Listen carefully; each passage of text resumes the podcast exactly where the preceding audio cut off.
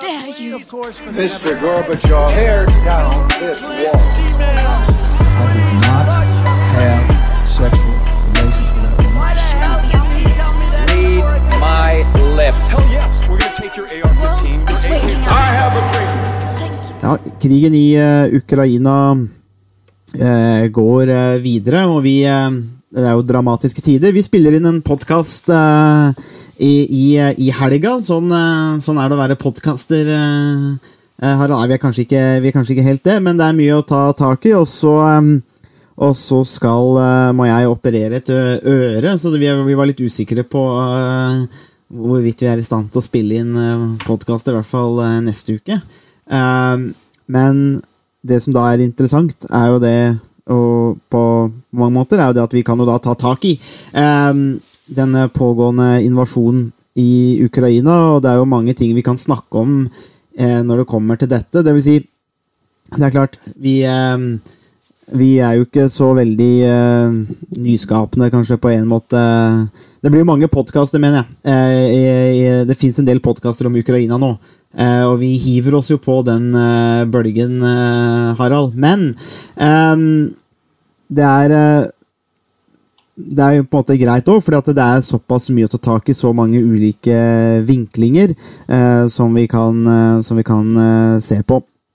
Um, og um, til dagens episode så, um, så har du tatt med deg et uh, sitat uh, fra en, uh, en, en, en gammel godgutt. uh, En, en kjær venn, Ja, kan du kanskje si. ja, rett og slett. Ja, ja nei, altså Lenin. eh, Vladimir eh, Lenin, som var den første um, lederen av Sovjetunionen, eh, sa for eh, godt over 100 år siden eh, There are decades when nothing happened, and there are weeks when decades happen. Um, og det er et, um, et veldig kjent sitat fra Lenin som på en måte illustrerer noe av den situasjonen vi står, um, står oppe i nå, hvor vi har hatt uh, ca. 30 år med uh, økende globalisering uh, og en, en sikkerhetssituasjon i Europa som har vært relativt stabil. Um, og hvor det, man, kan si at det i løpet av tre tiår ikke har skjedd eh, kjempemye. Eh, selv om det i og for seg har skjedd mye og vært store endringer, men så har det, har det ikke vært noen eh, grunnleggende systemiske eh, endringer hvor selve det politiske rammeverket og systemet i så stor grad har endret seg. Og det er det Lenin kanskje får frem i det sitatet, eh, om at det, det er tiår hvor det ikke skjer noen ting, og så er det uker eh, hvor det skjer like mye som, eller mer enn det som har skjedd i, i, i tiårene tidligere. Og det er jo litt den situasjonen vi står oppe i nå, hvor det eh, blir store endringer i eh, det politiske systemet og rammeverket eh, i, eh, i Europa, og også kanskje resten av, av verden. Så ukene vi har opplevd de siste to, tre, fire ukene, og ukene vi sikkert vil eh, oppleve fremover også, eh, er eh, eh, er et eksempel, eller på en måte eksemplifiserer den, eh, den dramatiske ti perioden vi er inne i, som, som mm, som i og for seg eh, man kan si Lenin eh, også var eh, var en del av, eller som også levde i en tid hvor det var store dramatiske endringer. Eh, hvor det var en relativt stille periode. Eh, I hvert fall når det gjaldt sikkerhetspolitikken i Europa fram til første verdenskrig eh, brøt ut i eh, 1914.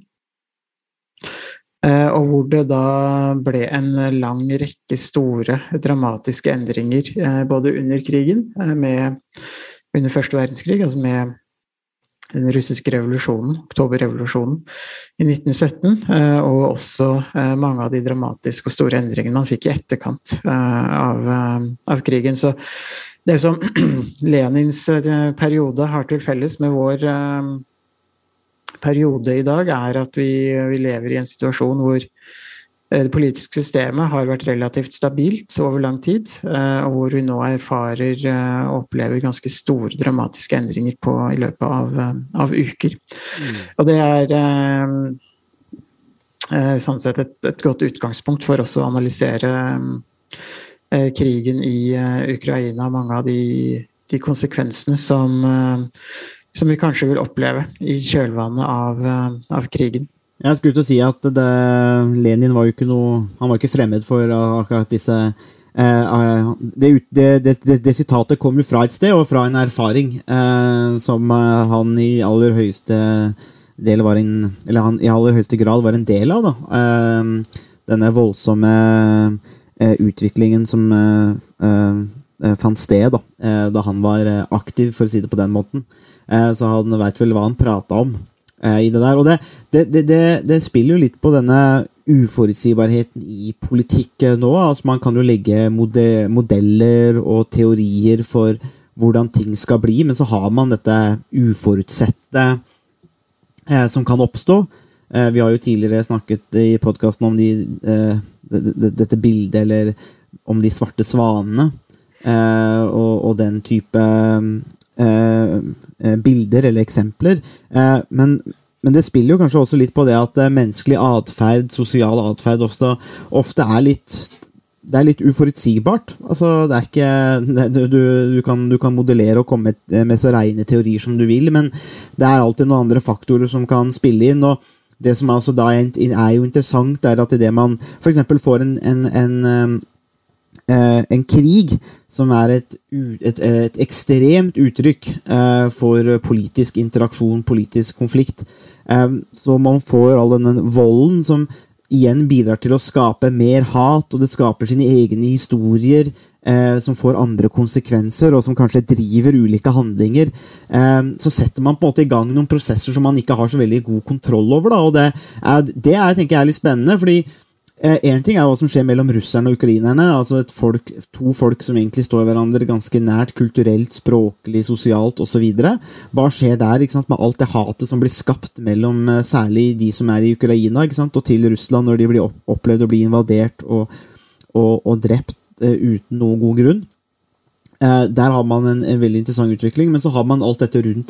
Dette med sanksjoner, eh, dette med resten av verdens forhold til Russland. Og man ser jo organisasjoner som EU, som nå ser ut til å ha prøvd å forsøke å haste gjennom medlemskap til Ukraina og andre land. Dette er jo egentlig prosesser som vanligvis tar veldig lang tid, men som plutselig ser ut til å, å skje nesten, nesten som over, over natta. Da. Det er jo ganske interessant. Ja, uh, det er veldig interessant hvordan Eh, man på den ene siden eh, så har jo På den ene siden så har jo invasjonen eh, til Russland gått ganske, ganske dårlig i forhold til det som var den opprinnelige planen med en rask overtakelse. og en litt sånn stormkrig, eller blitskrig, mot Ukraina. Um, så Russland har jo kjørt seg litt fast, uh, ser det ut til, til nå. Så, så, det er på en måte de, de litt sånn mer sånn umiddelbare konsekvensene av hvor uforutsigbar uh, politikk og, og krig uh, kan være. Og så har vi de litt lengre konsekvensene som, som handler om matvarekriser, inflasjon og politiske endringer på systemnivå, som f.eks. EU sitt samarbeid og um, i, om EU skal eh, behandle eller ta opp eh, Ukraina og andre, andre land som, eh, som medlemsstater. Eh, og, og, der blir det også et, et spørsmål om, eh, om hva som er de eh, regionale og globale konsekvensene av den situasjonen vi, vi, står oppe i nå også. Og mange av disse konsekvensene er jo svært uforutsigbare, og det vil være veldig vanskelig å si noe helt sikkert om i midten av mars i um, 2022, i hvert fall. Men det er i hvert fall uh, helt sikkert uh, at veldig mange av uh, de handlingene og den politikken og krigshandlingene som har blitt iverksatt, vil ha Eh, langvarig påvirkning og effekt på, på, det politiske systemet som gjør at vi, vi, nok vil eh, gå inn i en litt annen verden eh, når krigen endelig blir, blir, over på et eller annet tidspunkt. Mm. Det er jo en, den situasjonen som vi står i nå, i, i, i Ukraina og i Europa, er jo, det er jo vanskelig hvis man forsøker å lese gjennom ulike nyhetskilder og på sosiale medier. altså Hva som egentlig er informasjon, hva er desinformasjon, hva er propaganda. Det er vanskelig å få til klare analyser av hva som skjer der, men analyse er en viktig del av, av statsvitenskapen. og for, forsøke å forstå hvorfor noe skjer, og hvordan det skjer, osv. Eh, en annen viktig del eh, som man ønsker, eh, og, og, som det florerer av nå, eh, som man ser i hvert fall blant en del kommentatorer, eksperter, men også akademikere, er jo denne prediksjonen. Hva som kommer til å skje. Eh, for det er jo det man ofte lurer på. Ja, ok, vi har denne situasjonen nå, men hva er det som kommer til å skje i, i framtida? Eh, det er jo det folk er veldig interessert i, og der verserer det jo veldig mange ulike Rykter, teorier, hypoteser. det er mange hypoteser om hva som kommer til å skje. og, det, og som du sier, da, Harald, det er jo vanskelig å vanskelig å skulle si sikkert hva som kommer til å skje. Men eh, det vi tenkte eh, i dagens episode, og du, du, var inne på det, altså hva skjer med disse politiske systemene, eller man har snakket litt om den internasjonale globale orden. Eh, og en ting som jeg syns er interessant, eh, og som jeg plukka opp eh, i en diskusjon på, på, Twitter, det er nettopp dette med, med globalisering, som er noe som de aller fleste har hørt om, og som på mange måter kjennetegner kanskje eh, det internasjonale verden, det internasjonale samfunnet, måten vi lever på, eh, de siste tiårene. Eh, og globalisering eh, som, som, prosess, da, eller som begrep, eh, refererer ofte til de prosessene og aktivitetene som akselererer, sprer og forsterker verdensomfattende koblinger og samhandling. Eh, og disse kan jo da både dele, men også forene verden samtidig. Så du kan bringe verden tettere sammen med produksjon av varer, eh, fri flyt av varer og tjenester f.eks. Men det kan også dele verden i, den, at, i den forstand at det er ikke alle som nødvendigvis tar del i velstandsøkningen eller i, eller i de godene. altså Noen kan også falle utenom. Eh, så globalisering er jo ikke, en, er ikke en, en, sånn helt enkelt prosess. da. Eh, det er jo også en veldig mye et mye omdiskutert begrep og fenomen. Men jeg tenker kanskje det som eh, Vi kommer da inn i dette med Ukraina-krigen, er nettopp dette at vi har vært vant til nå i flere tiår til at vi har hatt en akselerasjon, en intensivering av en rekke prosesser og aktiviteter som forener verden og forsterker disse verdensomfattende koblingene. Bare tenk på flytrafikk, altså det at man med enkelhet reiser til andre land på ferier. Man kjøper boliger i andre land, man blir vant til disse tingene. Um, man blir vant til eh, produkter og tjenester som egentlig kommer fra andre deler av verden, kanskje. Eh, og dette ser vi da i Russland, ikke sant, eh, med disse sanksjonene.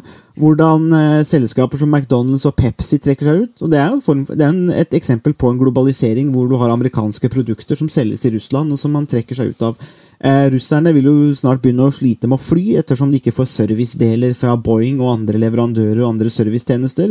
Så eh, for det første får jo ikke Aeroflot fly eh, i det internasjonale luftrommet, i hvert fall i Vesten. Men de får heller ikke deler. Og da, da, kommer man ingen vei uten service. Dette er jo, dette er jo strengt. Selv i Russland. som notorisk er et av de verdens mest notoriske land å fly i, i hvert fall innenlands. Men Um, så det gjør man jo på egen risiko, men uh, nå blir det i hvert fall enda mer risikofylt. Uh, og da er, ser jeg at det er flere som uh, peker på, i hvert fall på Twitter, at de, de, har rett og slett satt opp en Rest in Peace globalization. Det er rett og slett hvil i fred med globaliseringen, og at det vi ser nå, det er rett og slett at vi får en avglobalisering eller en deglobalisering, avglobalisering er kanskje det riktige på norsk, eh, av denne, disse type prosessene. Kanskje man, akselerasjonen stopper opp, man stopper opp, og det deakselererer, og man går tilbake til um, andre måter å organisere seg på. Hva tenker du om denne, denne hypotesen om at uh, Ukraina, ikke bare Ukraina, men hvis vi, når vi bruker det som eksempel, da, er, en, er et ledd i en uh, avglobalisering-prosess? Uh, uten tvil så har man sett uh, tendenser til en, uh, en, lavere vekst i Eller ø, en lavere eller man, man, skal kanskje si det sånn at man har sett tegn de siste årene på at globaliseringen har vært litt på, på hell. Jeg, jeg, tror på kort sikt så er det ikke noe tvil om at man vil få kanskje en større fokus på regionalisering istedenfor globalisering. Og det har vi også sett allerede fra handelskrigen mellom USA og, og Kina fra 2017 frem til nå. Og Joe Biden har vel, så vidt jeg vet, i hvert fall ikke fjernet noen av de um, tollsatsene og handelshindringene mellom USA og, og, Kina etter at han uh, tok over som president. Så uh, Biden viderefører jo den uh, det man kan kalle en slags avglobalisering når det gjelder forholdet mellom USA og, og Kina. Men jeg tror i et, et lengre perspektiv så, så er det her mer en, en pause i globaliseringen enn en fullstendig stopp. Hvis man tar et litt et, et veldig, sånn, veldig overordna perspektiv, så kan man si at Eh, verden har gradvis blitt globalisert fra begynnelsen av 1500-tallet eh, og frem til, eh, til, i dag med oppdagelsene av sjøveiene mellom alle kontinentene. På, på slutten av 1400-tallet, begynnelsen av 1500-tallet. Så, så, fikk man for første gang skapt en, en verden den katolske kirken er jo egentlig et godt eksempel på hvordan verden allerede på 1500-tallet begynte å få en slags globalisering. Eh, på begynnelsen av 1500-tallet så så hadde den katolske kirken eh, stasjoner og arbeid eh, både i Sør-Amerika, men også i, i flere asiatiske asiatiske steder, bl.a. Taiwan. Eh, og, og, andre steder. Eh, så allerede på begynnelsen av 1500-tallet så var, kan man si at den katolske kirken hadde en, en, slags sånn globalisert eh, institusjon, kanskje den første globaliserte institusjonen. Så har man kontinuerlig fra 1500-tallet og frem til i dag Uh, hatt uh, bølger av uh, globalisering, hvor man har fått økende, økt globalisering, pauser med hvor man har hatt en slags avglobalisering. Eller en svak vekst i handel med andre land osv. Uh, interessant nok så var jo også perioden før første verdenskrig Eh, preget av ganske sterk, eh, sterk, globalisering og en veldig stor andel av eh, den totale handelen i verden som gikk mellom ulike land. Litt på samme måte som vi har sett de siste 30-40 årene i verden også, hvor veksten i handelen, i internasjonal handel har vært sterkere og raskere enn handelen innad i de fleste, innad i, fleste, i de fleste um, vestlige land, i hvert fall. Så sånn i et, et, stort perspektiv så er det her neppe um, slutten på globaliseringen, men det er en, uh, en midlertidig pause. Og hvis man skal på en måte bruke fortiden som et slags, uh, slags indikasjon på hva framtiden vil innebære, så kan man vel si at mange av de trendene som har vært Eh, viktige de siste 400-500 årene, som en slags eh, økende globalisering har vært, eh, så er det sannsynlig at globaliseringen også vil, vil fortsette i fremtiden også, selv om den vil kanskje ta andre former, og man vil se et tilbakeslag og pauser i, i globaliseringen. Det kommer jo helt an på hvordan man ser på globalisering. Altså, vi må jo kanskje ta med at man, det er jo grupper som definerer globalisering ulikt. Eh, og går man f.eks. til en del eh, marxister eh, og en marxistisk analyse, så er, er, det ikke noe som heter globalisering, egentlig. Det er egentlig bare utnyttelse av noen sentrum-periferi, utnytting av de svake eller de kapitalistiske som utnytter de andre, og at det er det som egentlig er globalisering. Uh, så det kommer litt an på definisjonen her. Uh, men at det, jeg tenker jo at, Og, så er det litt det der med, som du nevner, Harald, at om det er en pause eller stopp Det er litt viktig å tenke på kanskje her at det kommer litt an på hvordan man tenker på historiens gang òg. Altså, tenker man at det bare er en sånn lineær progresjon, f.eks., hvor man uh, går framover, og så er det en stopp, og så går man videre. Men det er det jo kanskje ikke. Um, det var jo kanskje det som også de såkalte nymarxistene, eller neomarxistene, eller de som uansett utledet den kritiske teorien i Frankfurt-skolen, fant ut òg, at Eh, historien hadde kanskje en progresjon, men den kunne også ha regresjon. Altså du kan eh, gå tilbake, og at det er mye mer eh, humpete og svingete enn eh, en klar vei fram mot et endepunkt. da, En utopi, eller hva man skal kalle det. Og, og, og det tenker jeg kanskje er en nyttig måte, i hvert fall for min egen del, tenker jeg at det er en nyttig måte å tenke om, om, hva skal jeg si, historiens gang på. altså Bare, bare bruke begrepet historiens gang, som egentlig er ganske vanlig, så tenker man at det går framover. Men um, den er nok mye mer hølete og svingete Uh, enn det, en, en det, da. Eh, og at eh, det, det, det, man ser nå, er jo på en måte en en, bare en sving en, i en annen retning, f.eks. Eh, eller et høl som man havner nedi. Men det betyr jo ikke at disse utviklingene er, er på en måte gode eller dårlige i seg sjøl. Eh, men, men, det kan jo ta på en måte den politiske utviklingen i ulike veier. Det som er interessant Det er mye som er interessant, men i læreboka som, som jeg bruker da, og underviser i internasjonal politikk, så, så peker de jo også på den globale finanskrisen som en slags viktig eh, støt mot, mot globaliseringen. Um, og vi kan vel kanskje si dette med pandemien har virkelig gjort det samme. Det at man i, i ulike deler av verden så en, en veldig skjevfordeling av vaksiner, uh, og, og, ikke minst hvor det ble produsert. Og det også var nok et sånt argument for mange om at uh, oi, uh, vi kan ikke være basert på, på fabrikker som ligger langt andre steder i verden, når vi trenger livsviktige medisiner eller sånne type ting. da. Men det som også er interessant, er det i den, i den læreboka da, så, det, så peker, de, peker, forfatterne der på at den finanskrisa i 2008 da, eh, ga moment til en økning i nasjonal populisme, en økende offentlig misnøye. da. Eh, og tre utviklinger da, som de peker på der, som har skapt eh, globale finanskrisen, og som også da er en utfordring mot globaliseringen. Og det her er interessant, fordi jeg har tre punkter. og Det første de nevner, er global populistisk opprør. Eh, en trend mot autoritære regimer, og at stormaktsrivaliseringen er tilbake. Eh, det er det de peker på. Og det er jo eh, interessant når man tenker på disse tre punktene, da, og særlig dette trenden mot autoritære regimer og denne stormaktsrivaliseringen, for det er jo kanskje det vi ser i, i Ukraina nå. altså et, et, Russland som forsøker å være stormakt. men de forsøker å være stormakt på 1900-tallsmåten, eller 1800-tallsmåten. Det å dominere andre med, med makt. da.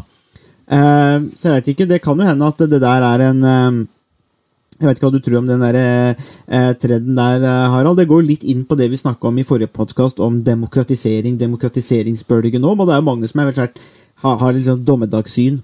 Det har vært en debatt gående i Aftenposten nå i dette året òg, mellom flere demokratiforskere om, om, det er, om demokrati er litt sånn Om det er dommedagsdømt. Men det er jo hvert fall en tre Jeg tenker på disse tre punktene, da, med dette mer sånn globale populistiske opprøret, autoritære regimer og stormaktsrivalisering, at det i hvert fall fremstår jo som en utfordring, kanskje, da, til det, det, vi har tenkt på som en mer sånn Den globaliseringen som vi har tenkt på, da, fra, særlig kanskje fra 90-tallet av òg, eh, at det er en slags utfordring mot dette, da. Ja, det er jo en del spenninger i um det vi ofte kaller for globalisering også, det er jo et, eh, som, som du var inne på, Sondre, det er jo et veldig Eh, stort begrep som eh, ofte defineres på, på ulike måter. og som, som, blir gitt et litt uh, ulikt innhold. Um, og jeg tenker noen av de trendene som du, uh, du refererte til om uh, rivalisering mellom stormakter og motstand mot autoritære regimer og folkelig populisme, er jo, det er jo tre trender som absolutt har som, som, kjenner, som, beskriver uh, forholdet mellom Ukraina og Russland uh, ganske godt. Um, Ukraina har jo gjennomgått siden 2004 og fram til, til, i dag så har de gjennomgått i hvert fall to folkelige revolusjoner eller opprør. 2004 og 2014. og Eh, det, det, er jo et eksempel eh, på det som, eh, som man kan kalle for folkelig populisme og opprør, hvor, hvor folket forsøker å, å ta tilbake noe av den makten de kanskje opplever at de, de har mistet.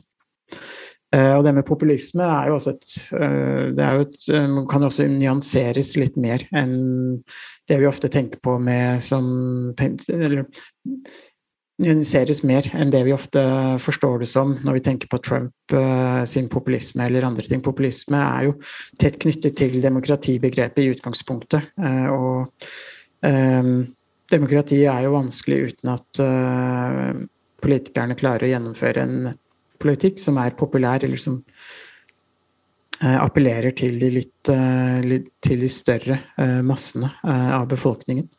Når det gjelder motstand mot autoritære regimer, så har vi jo sett det både i Ukraina, men også i, i Midtøsten gjennom eh, den såkalte eh, arabiske våren, som kanskje ikke førte til så veldig mange demokratiske eh, styresett. I hvert fall ikke stabile eller langvarige. I noen av de, de landene som, som, man så opp, opprør og motstand i. Um, og så er jo det siste eksempelet um, på eh, eh, stormaktsrivalisering er jo um, krigen vi, uh, vi er vitner til i, i, i, Ukraina nå, hvor, eh, hvor det også er en eh, ikke bare en direkte kamp mellom Russland og Ukraina, men hvor også andre stormakter har interesser.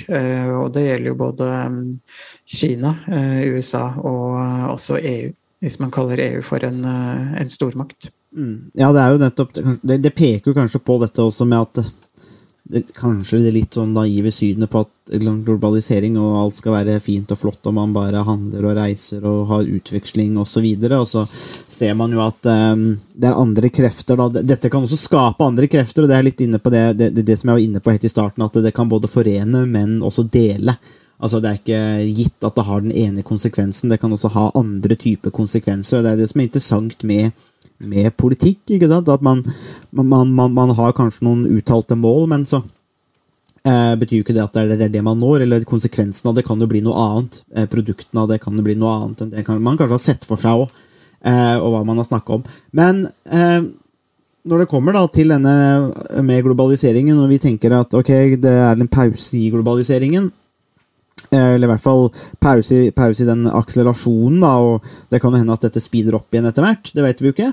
Men det som er et veldig interessant poeng her, og det er litt det som vi var tilbake da, hvis lytterne husker langt tilbake til, eh, til starten av pandemien, altså to år siden, så brukte vi en del tid eh, på å diskutere hvordan man skulle f.eks. løse disse kollektive problemene.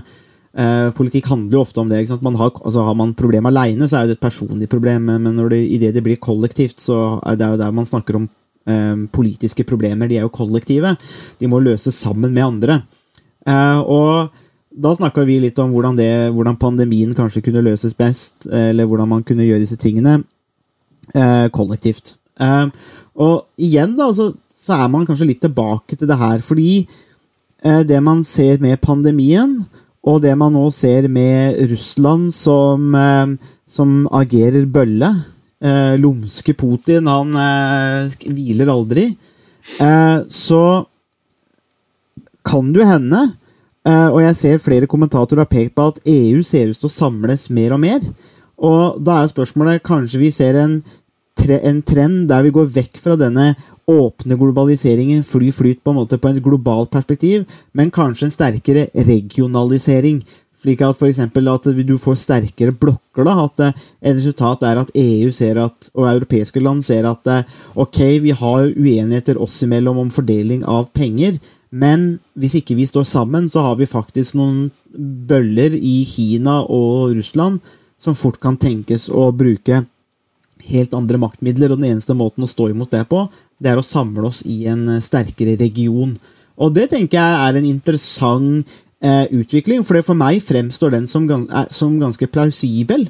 Og fordi at EU for eksempel, da, allerede har mye integrasjon og samarbeid, der er veien litt kortere. og da lurer jeg litt på noen, altså tenker jeg Kanskje Russlands invasjon er et slags sjokk litt til systemet som kanskje eh, på en måte det stopper munnen på mange EU-skeptikere, kanskje. Fordi at eh, du ser at eh, når politikken blir tatt til sitt ekstreme, og det finnes faktisk aktører som vil ta politikken til det ekstreme Altså har, Du har personer som Putin, så må man rett og slett eh, ta noen grep for å sikre seg sjøl på en annen måte. Da vet ikke hva du tenker om den, Harald? At det, det, kanskje vi ser en stopp i denne globaliseringen som vi tenker Ja, rett og slett at det er globale, men at vi får Men at det, det som vil akselerere, er en regionalisering. Ja, jeg, jeg tror um, en, en, slags regionalisering av uh, politikken nok vil være en, en, en mulig konsekvens um, av både, både, av krigen i Ukraina, men også kanskje av andre trender og hendelser som, som har pågått en, en stund allerede. Um, man har jo også um, også sett tegn på at man går fra å ha en stor supermakt, USA, eh, til eh, å ha ulike blokker eller ulike rivaliserende eh, mektige stater. Som f.eks. Russland, Kina, EU. E så andre regionale stormakter får en større innflytelse. Kan du også ta, kanskje ta med i både India og Brasil og, og andre eh, i, i, den sammenhengen. Og i Afrika så eh, kan man jo også kanskje se for seg at eh, noen av de, de, store landene der også vil, eh, vil kunne spille en, eh, en, viktig rolle, som Nigeria. Eh, Sør-Afrika, Etiopia, noen av de, de landene som, som, har størst befolkning. Eh, så du vil uten tvil Det er selvfølgelig vanskelig å si i dag eh, om man vil få den sterke regionaliseringen man ser eh, tendenser til, men det man i hvert fall kan si ganske sikkert, er at det ligger godt til rette for en regionalisering. Og om man klarer å å ta ut noe av potensialet som ligger i europeisk samarbeid eller i eh, samarbeid eh, i Asia eller Sør-Amerika eller andre deler av verden, er jo Det vil jo, eh, det vil jo framtiden vise, men det man i hvert fall kan si forholdsvis sikkert, er at det ikke har eh, vært bedre forutsetninger eh, for en eh, regionalisert verden enn en det vi ser i, eh, ser i, dag, i hvert fall.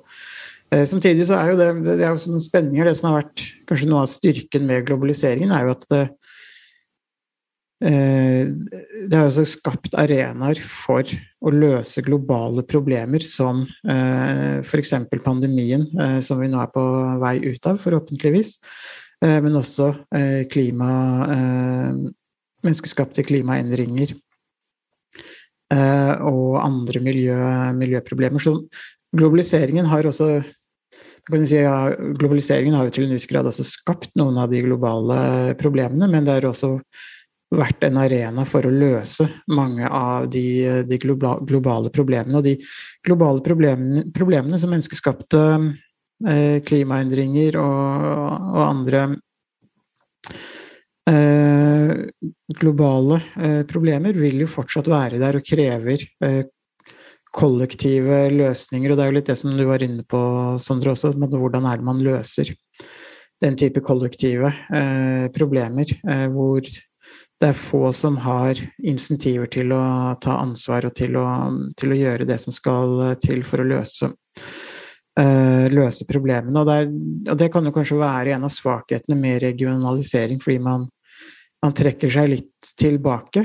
Eh, og um, det blir kanskje færre arenaer, eh, mindre fokus på å løse de globale problemene.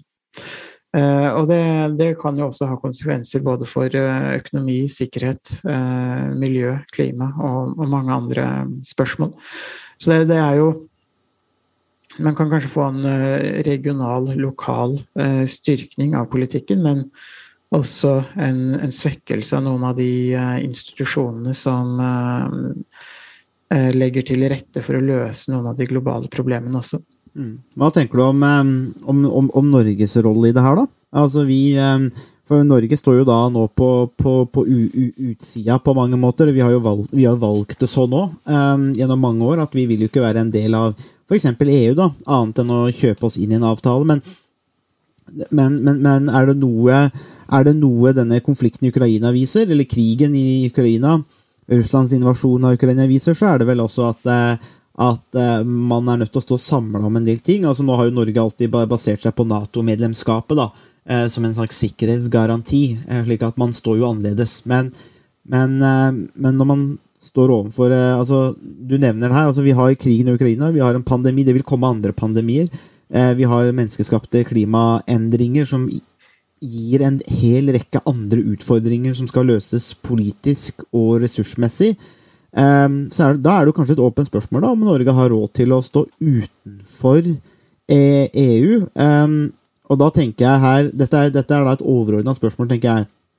Eh, fordi det er mange ting som EU er veldig dårlig på eller gjør feil, og som kanskje ikke passer Norge. Det har også gått veldig fort, og det er kanskje en ting som jeg er litt bekymret for nå. At det, det er egentlig veldig fint å vise, og her kommer jo favorittbegrepet ditt, Harald, solidaritet. Og at man forsøker å bringe inn f.eks. Ukraina. Og det er en form for solidaritet, det er jo det man sier. Eh, det er jo ikke gjensidig nytte som blir lagt til grunn her på mange måter. Det er jo en, form for solidaritet. Og da er spørsmålet Når EU som organisasjon eller politisk konstruksjon har slitt så mye som det har gjort de siste årene, er, er, er da eh, Da kan man jo se på det litt ulikt. Kanskje denne solidariteten og sjokket med Russland gjør at det revitaliserer det europeiske prosjektet. Eh, Men så er det da opp et spørsmål er det så lurt å ta inn en rekke, en, en mange flere nye land uten infrastrukturen og politiske systemer på plass, når, når man allerede hadde det som store bekymringer for EU i første omgang? Eh, så, men jeg tenker da likevel da for Norges del så Det er ett sett som vi kan diskutere. Det andre settet er det tilbake til poenget mitt om Norge. da, og Det er litt det der overordnede. Ja, det er mange problemer og utfordringer, men er de store kollektive problemene så store at det på en måte burde trumfe eh, de mindre bekymringene eller mindre uenighetene? Og at eh, verdien av å være en aktør i en organisasjon som EU, politisk konstitusjon som EU er, har det da større verdi enn å på en måte skulle stå utenfor? Jeg vet ikke hva du tenker om det. Dette er jo bare spekulasjoner og åpne spørsmål, da. Eh, ja eh, Kombinasjonen av Nato-medlemskap og, og EØS-avtalen ehm, har jo vært et eh, godt politisk kompromiss eh, for Norge, i hvert fall de siste ca. 30, 30 årene. Eh, fordi det, det, det har på en måte vært en, en måte å løse Norges uh, sikkerhetsbehov på. Uh, og det har også vært en måte å løse eh, norsk næringslivs tilgang til eh, de viktigste eksportmarkedene. Så eh, det, er på en måte, det har gjort at man har fått et, en ganske stabil politisk situasjon i Norge, hvor konfliktlinjene i Norge, innad i Norge, da, eller de norske konfliktlinjene mellom sentrum og periferi, eh, eksempel, eh, har eh, spilt en mindre eh, rolle. Hvis Norge hadde vært EU-medlem, EU-medlem, så ville kanskje noen av de konfliktlinjene mellom sentrum og periferi vært, vært sterkere når det gjelder både landbruk, men også ressursforvaltning, fiskeri og andre spørsmål.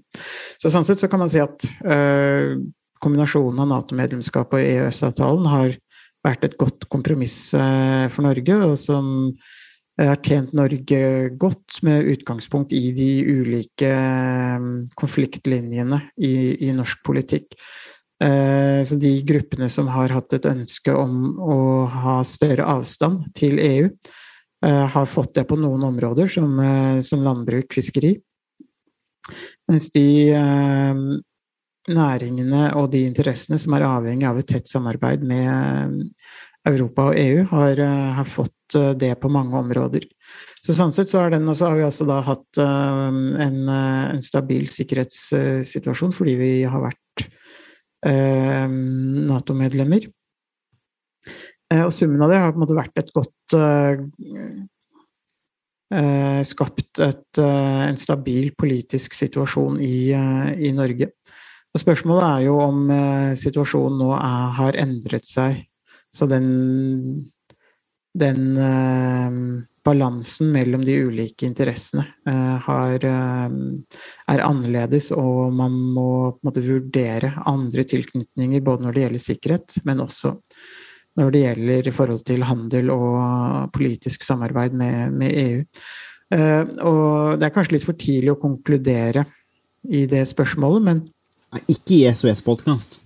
Eh, nei. Eh, der tar vi alt på sparket og på, Ah, ja. på strak arm. Rett og lett.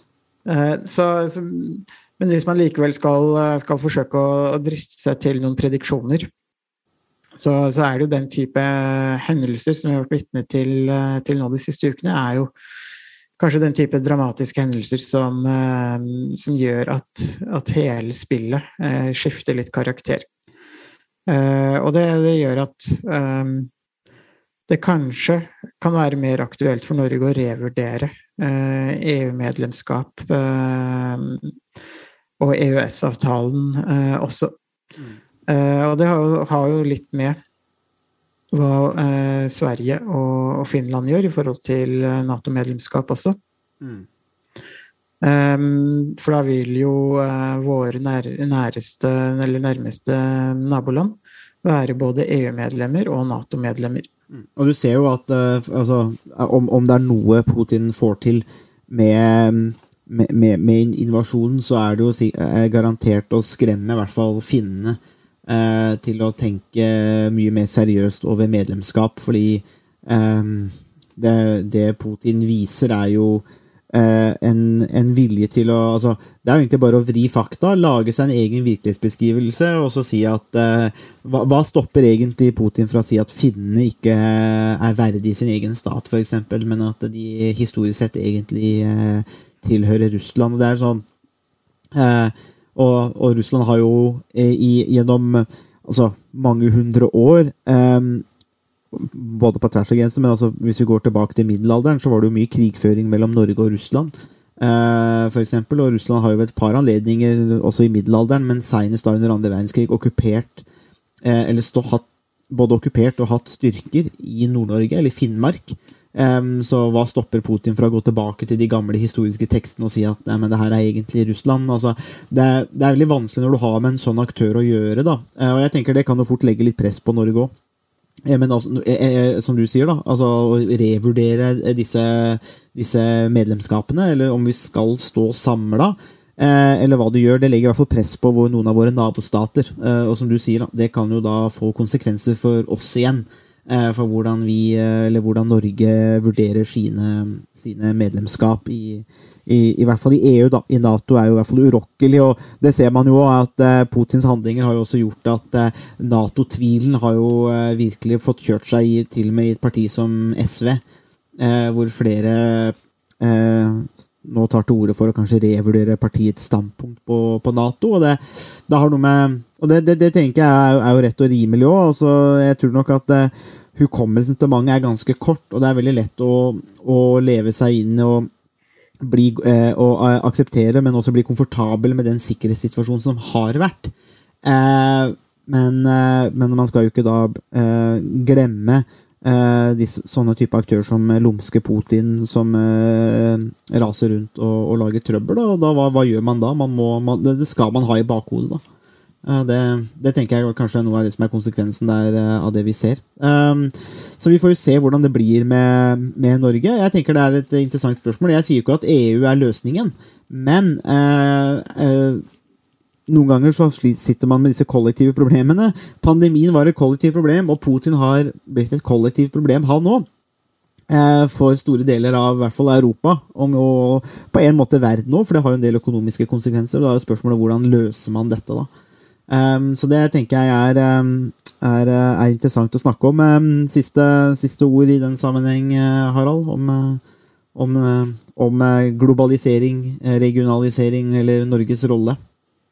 Ja, eh, Norges rolle er jo på mange måter ganske beskjeden som et lite, veldig lite land. Eh, og eh, hvis eh, Altså, vi vil jo aldri klare å forsvare oss eh, mot eh, et russisk eh, angrep eller en, en invasjon på egen hånd. Eh, så vi vil alltid være avhengig av allianser.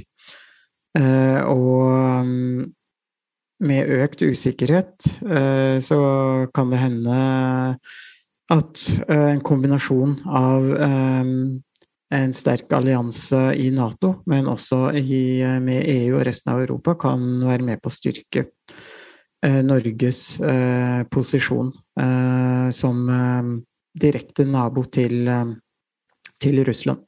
Men det er eh, litt for tidlig å konkludere helt enda. Vi, det vi er jo i en situasjon nå hvor det i løpet av uker skjer like mye som det har skjedd på, på flere tiår. For å gå tilbake til sitatet til Lenin som vi, vi begynte med i dag. Og det er kanskje et, også et greit sted å, å stoppe. Det skjer mye nå. Uh, og det er litt uklart uh, hva som vil være konsekvensene av uh, alt det som skjer rundt oss nå.